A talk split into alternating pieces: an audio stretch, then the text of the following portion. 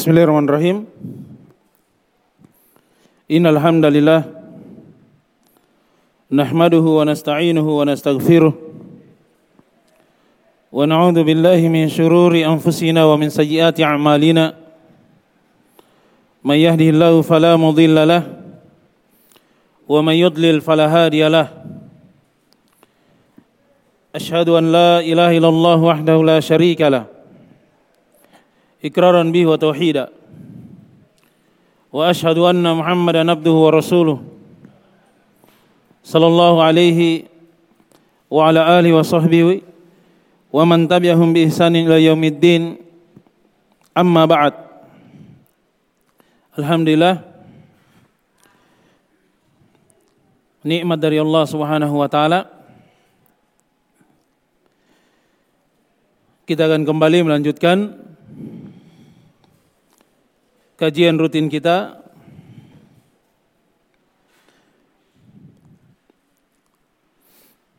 Di hari Sabtu ba'dal asar.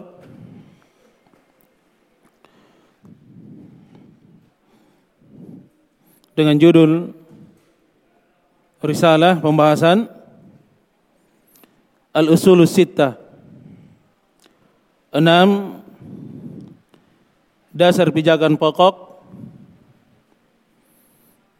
di dalam beragama.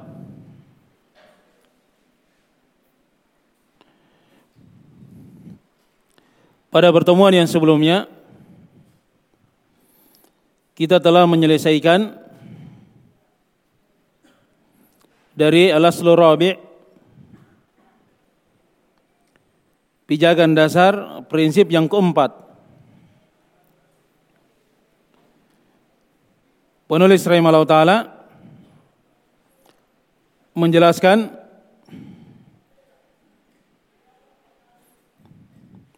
tentang ilmu dan juga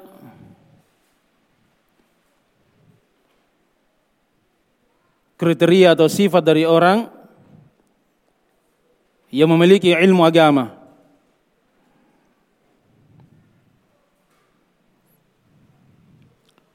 Dan juga penulis rahimahullah taala menjelaskan dari mereka yang menyerupai para ulama, para fuqaha yang pada hakikatnya mereka sama sekali tidak memiliki ilmu agama.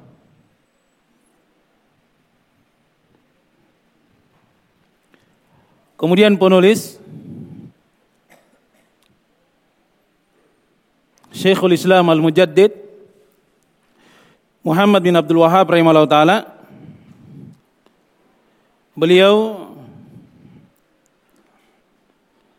menyebutkan dari pijakan pokok prinsip di dalam beragama yang kelima Kata beliau rahimahullah taala Bayanullah subhanahu li awliyaillahi wa tafriquhu bainahum wa bainal mutasyabbihina bihim min a'da'illahi al-munafiqin wal fujjar. Wa yakfi fi hada ayatun min Wahia qauluhu ta'ala Qul in kuntum tuhibbunallaha fattabi'uni yuhibbukumullah wa ayatun fi suratil maidah wa hiya ta'ala ya ayyuhalladzina amanu may yartadda minkum an dinihi فسوف يأتي الله بقوم يحبهم ويحبونه. الآية. وآية في سورة يونس. وهي قوله تعالى ألا إن أولياء الله لا خوف عليهم ولا هم يحزنون. الذين آمنوا وكانوا يتقون. كتب لي رحمه الله تعالى. Bayanullahi subhanahu li awliyaillah Penjelasan Allah Subhanahu wa taala tentang sifat dan kriteria dari wali-wali Allah Subhanahu wa taala.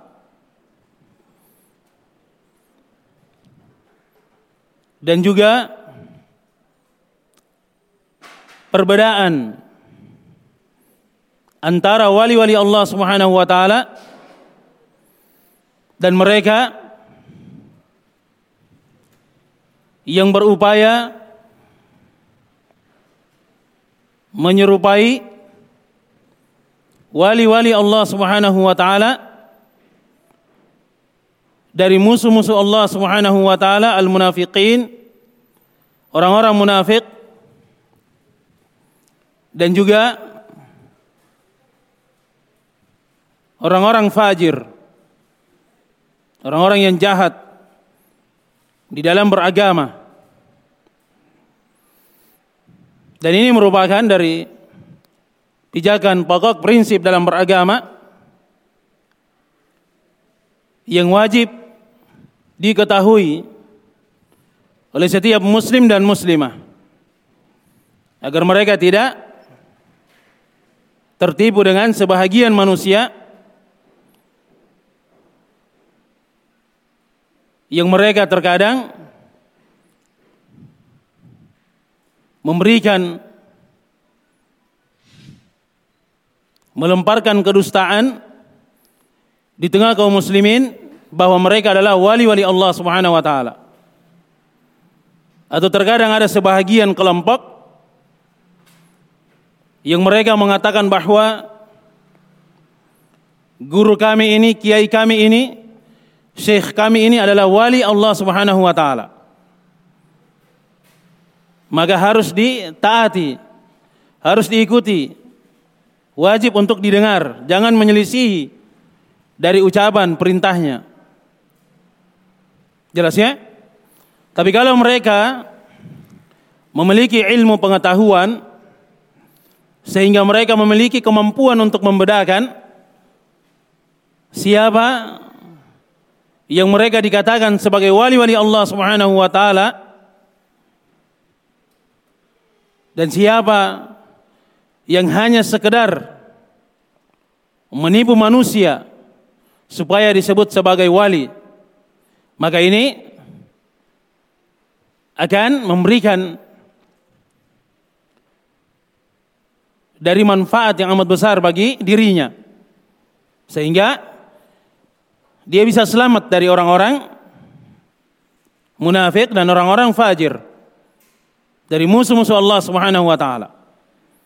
Yang hanya ingin mempermainkan dari agama Islam ini.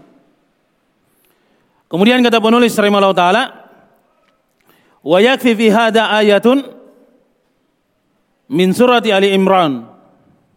Dan cukup untuk menjelaskan dari perbedaan ini yang mana wali Allah Subhanahu wa taala yang mana penipu dan pendusta adalah apa yang disebutkan oleh Allah Subhanahu wa taala ayat di dalam surah Ali Imran. Allah Subhanahu wa taala berfirman, "Qul in kuntum tuhibbunallah" Sampaikanlah wahai Muhammad, jikalau kalian mencintai Allah Subhanahu wa taala fattabi'uni yuhibbukumullah maka ikutilah aku. Yaitu Nabi kita Muhammad sallallahu alaihi wasallam. Ikuti dari sunnah beliau sallallahu alaihi wasallam maka niscaya pasti Allah Subhanahu wa taala akan mencintai kalian. Jelas ya? Jadi ini dari sifat yang pertama. Mereka yang mengaku sebagai wali-wali Allah Subhanahu wa taala maka pasti mereka akan mencintai dan mengikuti dari sunnah Nabi kita Muhammad sallallahu alaihi wasallam. Jelas ya? Dan ayat ini disebutkan oleh para ulama ayat ujian atau tantangan. Sebagian dari para ulama salaf mereka berkata ayat ini diturunkan ketika ada sebahagian dari manusia yang mengaku cinta kepada Allah Subhanahu wa taala. Tapi mereka tidak mau mengikuti dari Nabi kita Muhammad sallallahu alaihi wasallam. Orang-orang Yahudi yaz'umuna annahum abna'ullah wa. Mereka mengatakan bahasanya kami ini adalah anak-anak Allah Subhanahu wa taala. Dan kami ini adalah kecintaan Allah Subhanahu wa taala. Jelas ya? Akan tetapi pengakuan ucapan mereka ini ghairu makbulah. Tidaklah diterima. Kenapa? Karena hakikatnya apa yang terjadi realita yang nyata bahwa mereka itu adalah orang-orang yang bermaksiat kufur kepada Allah Subhanahu wa taala dan rasulnya sallallahu alaihi wasallam. Jelas ya?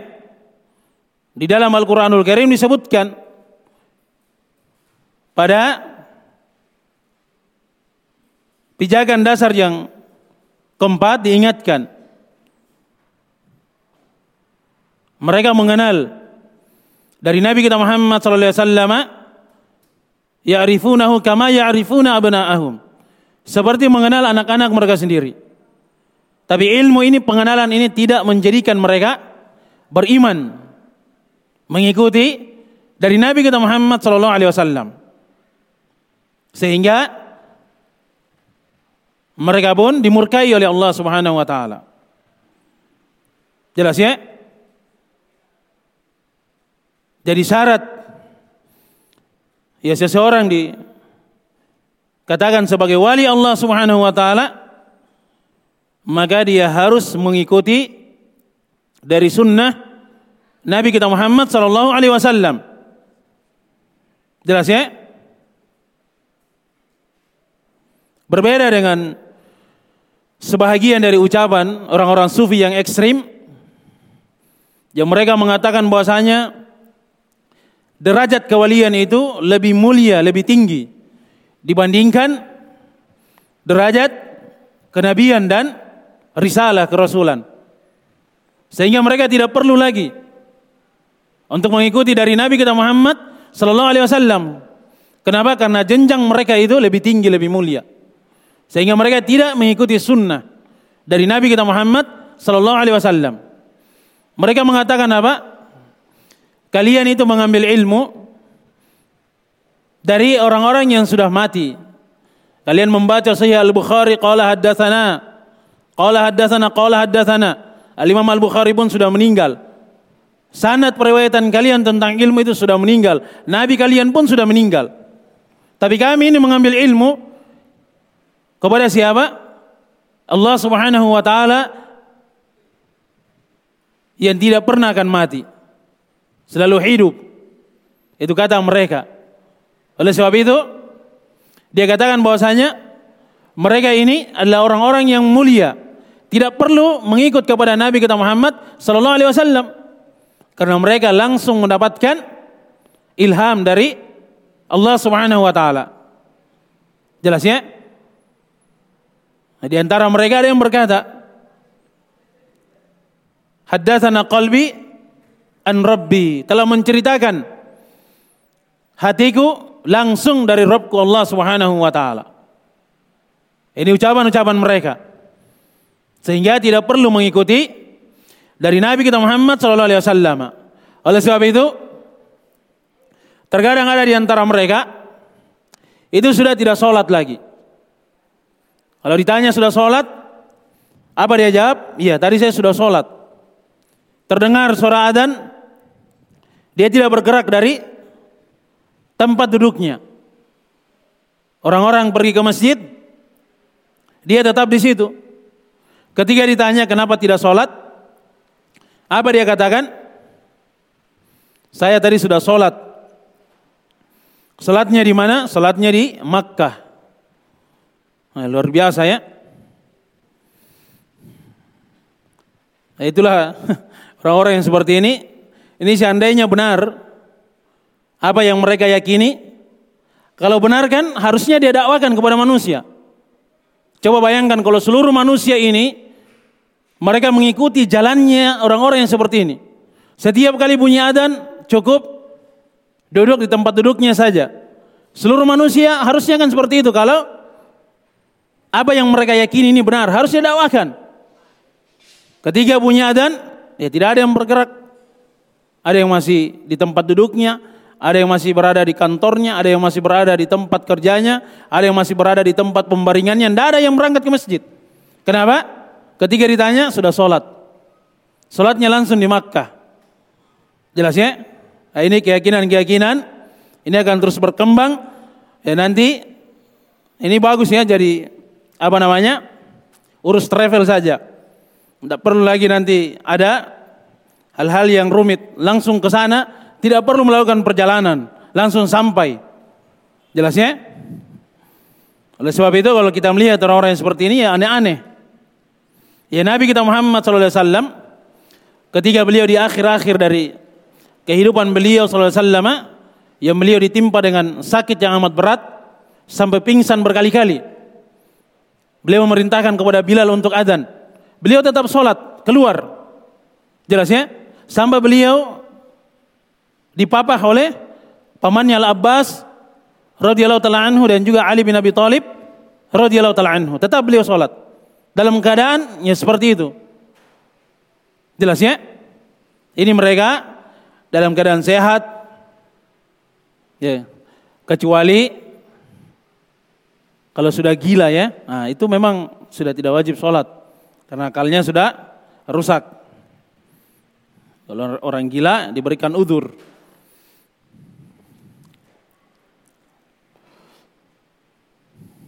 Jadi apa yang disebutkan oleh penulis rahimahullah taala ini sebagai ciri yang membedakan antara wali-wali Allah Subhanahu wa taala dan wali-wali syaitan. Musuh-musuh Allah Subhanahu wa taala. Ya Syekhul Islam Ibnu Taimiyah rahimahullah taala beliau memiliki kitab yang beliau namakan dengan Al-Furqan baina auliya'ir rahman wa aulia syaitan. Pembeda antara wali-wali Allah Subhanahu wa taala Rahman dan wali-wali syaitan. Nah, kalau kita ingin membahasnya, menambah dari pengetahuan kita, maka ya kita baca dari kitab ya Syekhul Islam Ibnu Taimiyah rahimahullah taala. Oleh sebab itu beliau ini paling dibenci oleh orang-orang sufi, orang-orang tarekat, tariqah. Kenapa? Karena sudah selesai di masa Syekh Islam Ibnu Taimiyah rahimahullah taala itu dibantah habis-habisan sama beliau rahimahullah taala. Al Imam Ibnu Qayyim rahimahullah taala itu beliau asalnya dari sekte sufi.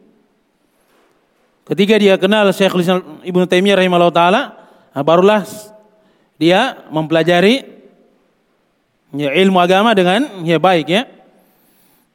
Ya banyak subat-subatnya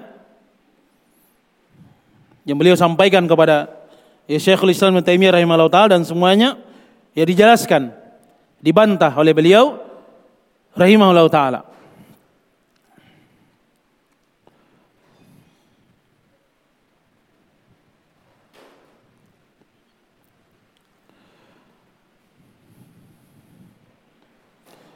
Kemudian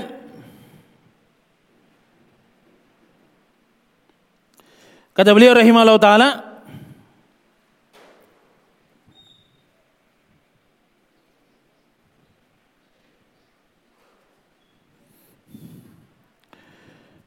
wa ayatun fi suratil maidah. Dan juga ayat di dalam surah al-maidah.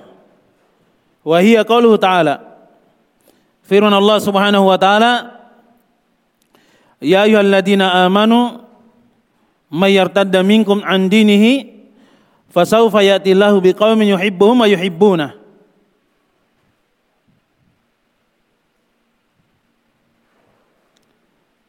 adillatin 'alal mu'minin a'izzatin 'alal kafirin yujahiduna fi sabilillah wa la yakhafuna lawmata la'im dalika fadlullah yu'tihi man yasha wallahu wasi'un alim.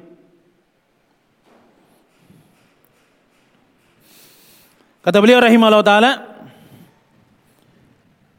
dan juga ayat firman Allah Subhanahu wa taala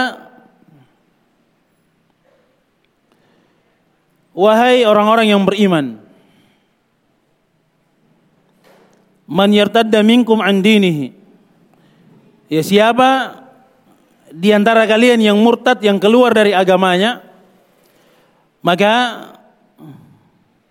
Allah Subhanahu wa taala kelak akan mendatangkan satu kaum yang mereka yang Allah Subhanahu wa taala cinta kepada mereka dan mereka juga cinta kepada Allah Subhanahu wa taala.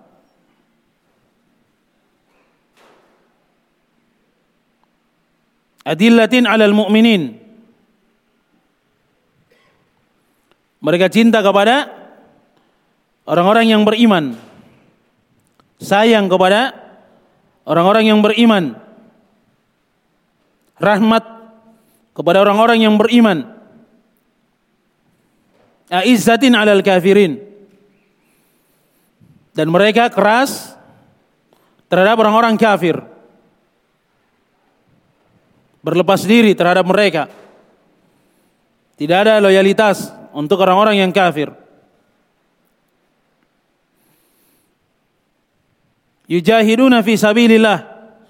Yang mereka berjihad di jalan Allah Subhanahu wa taala wala yakhafuna laumata laim. Dan juga mereka tidak takut terhadap celaan dari orang-orang yang mencela. Dalika fadlullah yu'tihi man yasha wallahu wasi'un alim. Itu adalah keutamaan dari Allah Subhanahu wa taala yang Allah Subhanahu wa taala berikan kepada siapa yang Dia kehendaki. Dan Allah Subhanahu wa taala maha luas dari rahmatnya pemberiannya dan Allah Subhanahu wa taala maha berilmu, maha mengetahui. Ini ada empat sifat di dalam ayat yang telah kita sebutkan. Jelas ya? Pada ayat yang sebelumnya mereka itu harus mengikuti dari Nabi kita Muhammad sallallahu alaihi wasallam.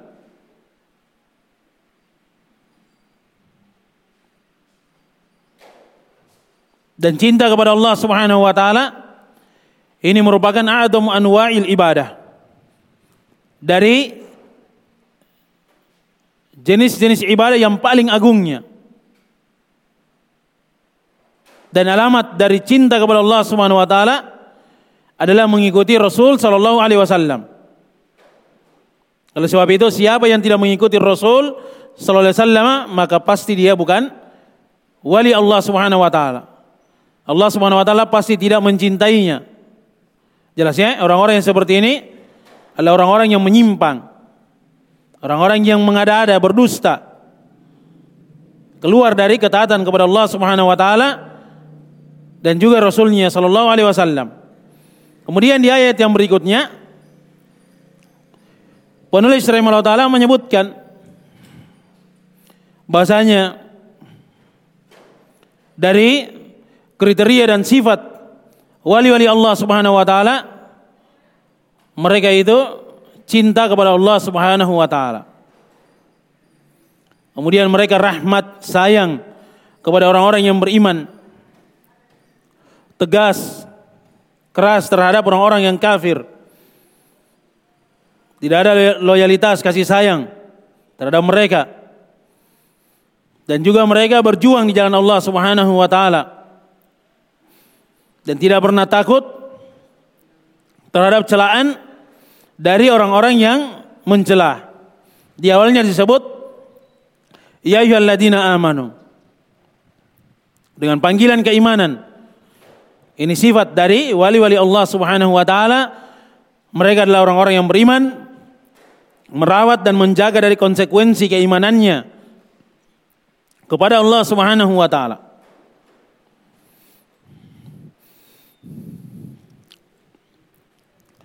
Kemudian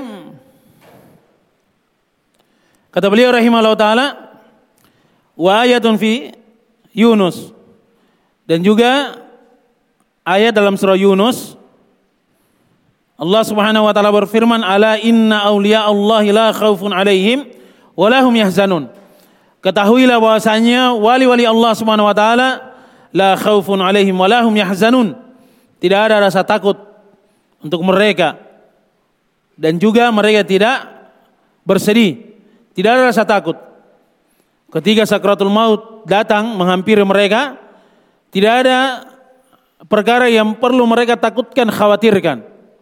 Dari apa yang akan mereka jalani menuju negeri akhirat dari fase kehidupan mereka setelah di kehidupan dunia ini. Di alam kubur, kemudian sampai di negeri akhirat dari prahara di dalamnya Allah Subhanahu wa taala yang menjamin keselamatan untuk mereka dan tidak perlu mereka bersedih dengan apa yang mereka tinggalkan keluarga, harta. Jelasnya Allah Subhanahu wa taala yang menjamin penjagaan untuk mereka. Ini wali-wali Allah Subhanahu wa taala. Alladzina amanu wa kanu yattaqun. Mereka adalah orang-orang yang beriman. Dan mereka adalah orang-orang yang bertakwa. Jelas ya? Ini sifat dari wali-wali Allah Subhanahu wa taala. Ya tidak sebagaimana yang biasa ya terdengar atau apa yang disebutkan oleh orang-orang sufi yang menyimpang. Kalau wali-wali Allah itu dia ya punya ciri khusus. Ada kelebihan-kelebihannya ada karomahnya jelas ya tapi karomah-karomah kelebihan-kelebihan yang di luar kemampuan manusia pada umumnya yang mereka sebutkan itu terkadang berlebihan. Jelas ya? Belum lagi wali-walinya itu yang mereka sebutkan itu tidak berada di atas sunnah dari Nabi kita Muhammad sallallahu alaihi wasallam. Oleh sebab itu kata para ulama, wali Allah Subhanahu wa taala itu tidak harus ada karomahnya. Jelas ya? Oleh sebab itu kalau kita melihat dari penjelasan para ulama, karomah itu banyak terjadi setelah kehidupan generasi para sahabat radhiyallahu taala anhum. Tabi'in, kemudian generasi yang setelahnya tabi'ut tabi'in. Jelas ya? Jadi seorang yang sampai pada derajat wali, yang jelas dia beriman, dia bertakwa, dia cinta kepada Allah Subhanahu wa taala, dan dia berada di atas sunnah dari Nabi kita Muhammad sallallahu alaihi wasallam, maka dia adalah wali Allah Subhanahu wa taala. Walaupun tidak ada hal-hal yang terlihat darinya ada keanehan, jelas ya? Itu bukan persyaratan dikatakan orang itu adalah wali. Oleh sebab itu para ulama kita mereka menyebutkan dari tiga golongan, tiga keadaan manusia di dalam menyikapi dari karomah. Yang pertama, mereka yang ekstrim. Di dalam menetapkan karomah. Gulu berlebih-lebihan di dalamnya. Ini dari orang-orang sufi yang ekstrim. Para penyembah kuburan. Jelasnya, mereka punya kaidah bahwa segala perkara yang terjadi pada seseorang kalau hal itu adalah hal yang aneh di luar kebiasaan atau kemampuan manusia pada umumnya walaupun orangnya itu tidak diperiksa jalannya sesuai dengan sunnah atau tidak maka itu pasti adalah wali walaupun dia tidak sholat dia tidak melakukan dari amalan-amalan sunnah dia berada di bulan Ramadan, dia tidak berpuasa padahal tidak ada uzur baginya. Atau dia melakukan hal-hal yang diharamkan. Pelanggaran dosa dan maksiat. Jelas ya? Di antara wali mereka ada yang mereka sebut dengan wali majdub. Yang kata mereka ini sudah berada dalam kondisi jadab yang dia sudah tenggelam dalam cinta kepada Allah Subhanahu wa taala sehingga karena kecintaannya terlalu kuat dan hebat mendalam akhirnya hilang akalnya. Jelas ya? Ketika hilang akalnya, di situlah bentuk dari pemeliharaan Allah Subhanahu Wa Taala kepada wali yang gila ini katanya. Kenapa? Kalau dia sudah gila, sudah terangkat kewajiban dan dia tidak terhitung dosa ketika dia melakukan dosa dan maksiat. Jelas ya? Karena katanya sudah terangkat. Ini orang yang sudah tenggelam dalam cinta sehingga hilang akalnya. Sudah berada dalam dimensi yang dia tidak sadar diri lagi. Kecuali hanya Allah Subhanahu wa taala yang berada dalam pikirannya. Jelas ya? Sama misalnya ya, kalau orang yang apa yang ditimpa dengan ya penyakit, ya syahwat, cinta kepada lawan jenisnya, laki-laki dia cinta sama perempuan, perempuan ada laki-laki yang dia cintai, karena saking cintanya, hebat cintanya, ketika ada pemisah, putus, terkadang ada yang sampai gila. Ah, seperti ini katanya. Karena terlalu dalam cintanya kepada Allah Subhanahu wa taala sampai hilang kesadarannya dan dia berada di dimensi yang lain. Jelas ya? Ah, ini bentuk pemeliharaan penjagaan Allah taala kepada Wali yang gila ini. Sehingga dia boleh melakukan hal yang diharamkan. Dia selamat dari apa yang diwajibkan walaupun dia tidak amalkan. Tidak terhitung dosa untuknya. Jelas ya? Nah, ini dari orang-orang sufi yang ekstrim. Dan ini ada ya di Indonesia kita. Di negeri kita ini ada ya orang-orang yang seperti itu. Yang dianggap wali. Kemudian yang kedua, mereka yang mengingkari dari karomah. Ini orang-orang Asy'ariyah sebahagiannya dan juga orang-orang Mu'tazilah. Alul bid'ah, Jahmiyah. Ini mereka menolak dari ya karomah. Kenapa? Karena ini katanya tidak bisa dibedakan antara karomah dengan mukjizat atau ayat. Dan ini juga nanti akan tersamarkan. Orang-orang akan tertipu. Jangan sampai ada yang menganggap Dajjal itu sebagai wali Allah Subhanahu wa taala. Tapi hal ini eh, bukanlah dari alasan yang tepat. Kenapa? Karena itu bisa dibedakan. Yang mana mukjizat ayat itu bisa dibedakan. Dan yang mana yang sifatnya karomah. Kemudian yang ketiga dari ahli sunnah wal jamaah. Yang mereka pertengahan di dalam menetapkan tentang ya, karomah. Tinggal dilihat saja dari keadaan orang yang dianggap wali itu. Kalau misalnya jalannya ya sesuai dengan sunnah dari Nabi kita Muhammad SAW maka ya dia dianggap sebagai wali Allah Subhanahu Wa Taala. Kalau ada karomahnya. Jelas ya? Dan ini banyak ya dari kejadian-kejadian dari para ulama salaf rahimahumullah taala. Oleh sebab itu kata Al-Imam Syafi'i rahimahullah taala beliau pernah dikhabarkan tentang ucapan Allah bin Sa'ad Abdul Haris Al-Fahmi. Oleh murid beliau oleh murid beliau Yunus bin Abdul Ala As-Sadafi rahimahullah taala. Kata beliau saya berkata kepada Asy-Syafi'i rahimahullah taala bahwasanya Allah bin Sa'ad beliau berkata Idza ra'aitumur rajula yamshi 'alal ma' fala taqtarru bi hatta ta'ridu amrahu 'alal kitabi wa sunnah. Disampaikan kepada Imam Syafi'i ucapan Allah bin Sa'ad Abdul Haris Al-Fahmi Al-Misri. Bahasanya kata beliau, apabila kalian melihat ada seorang lelaki yang berjalan di atas air, maka janganlah kalian tertipu dengannya sampai kalian perhadapkan dirinya perkaranya dengan kitabullah Al-Quranul Karim dan juga sunnah dari Nabi kata Muhammad sallallahu alaihi wasallam. Maka kata Imam Syafi'i rahimahullah taala qasara al-Laits rahimahullah taala. Al-Laits bin Sa'd itu kurang dalam ucapannya.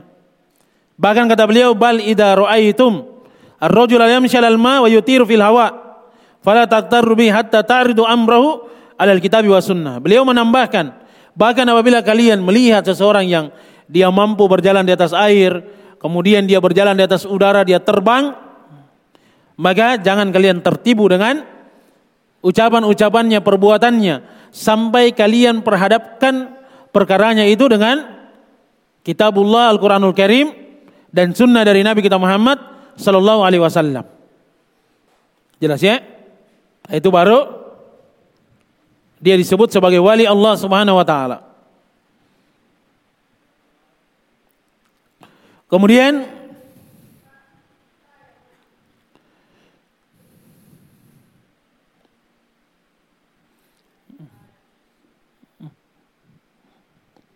kata beliau rahimahullah taala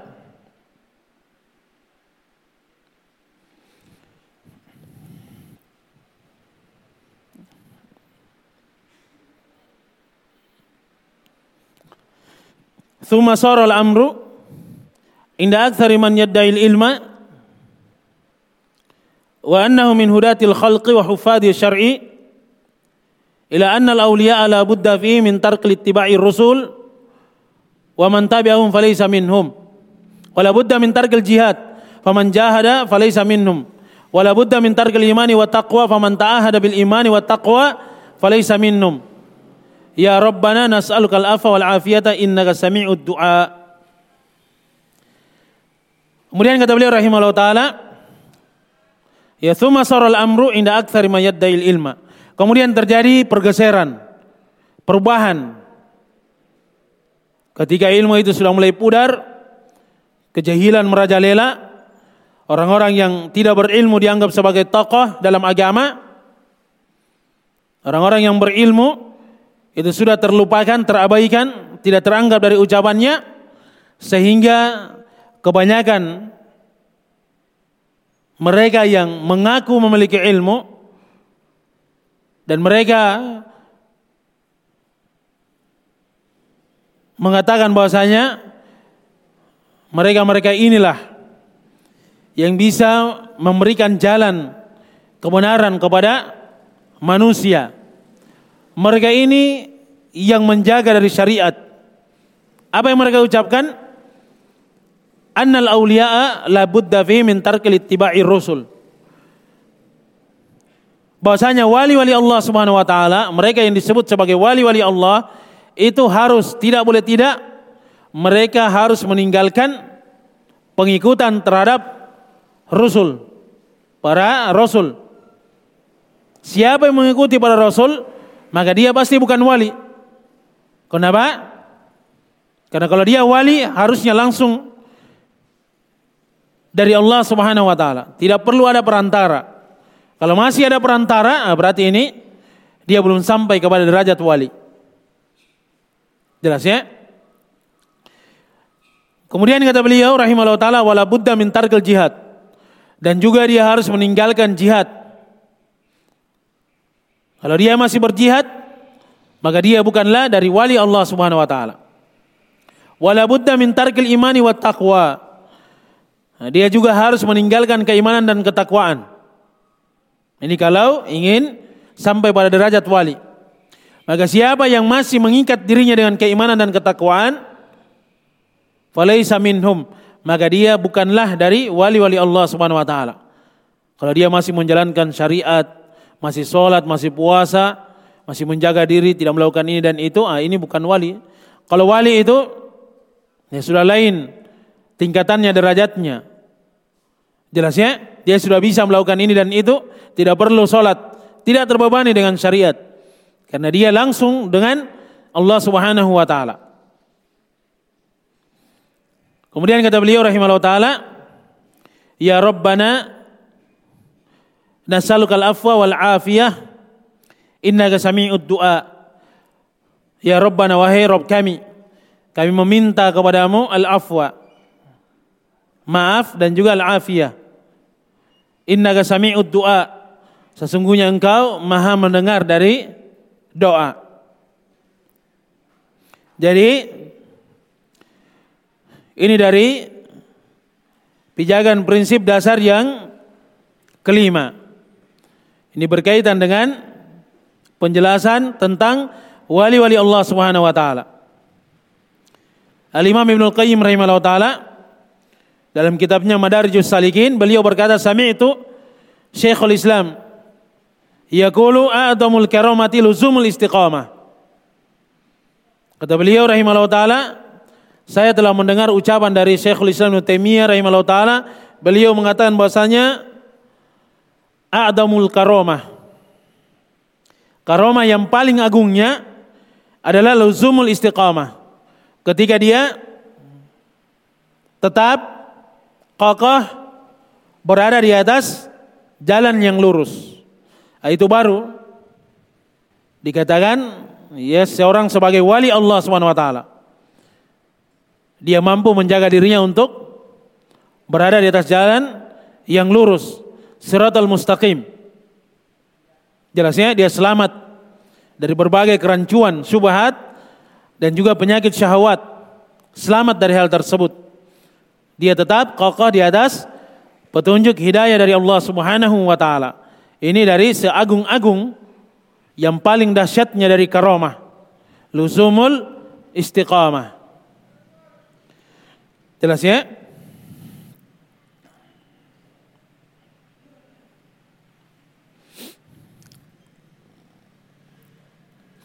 Ya mungkin yang bisa kita sampaikan ya untuk pertemuan kita di sore hari ini. Ya, semoga ada manfaatnya. Ya, semoga Allah Subhanahu wa taala menerima dari seluruh amalan kebaikan kita melipat gandakannya, mengampuni dan menggugurkan dari seluruh dosa dan kesalahan kita. Ya subhanakallahumma bihamdik asyhadu an la ilaha illa anta astaghfiruka wa atubu warahmatullahi wabarakatuh.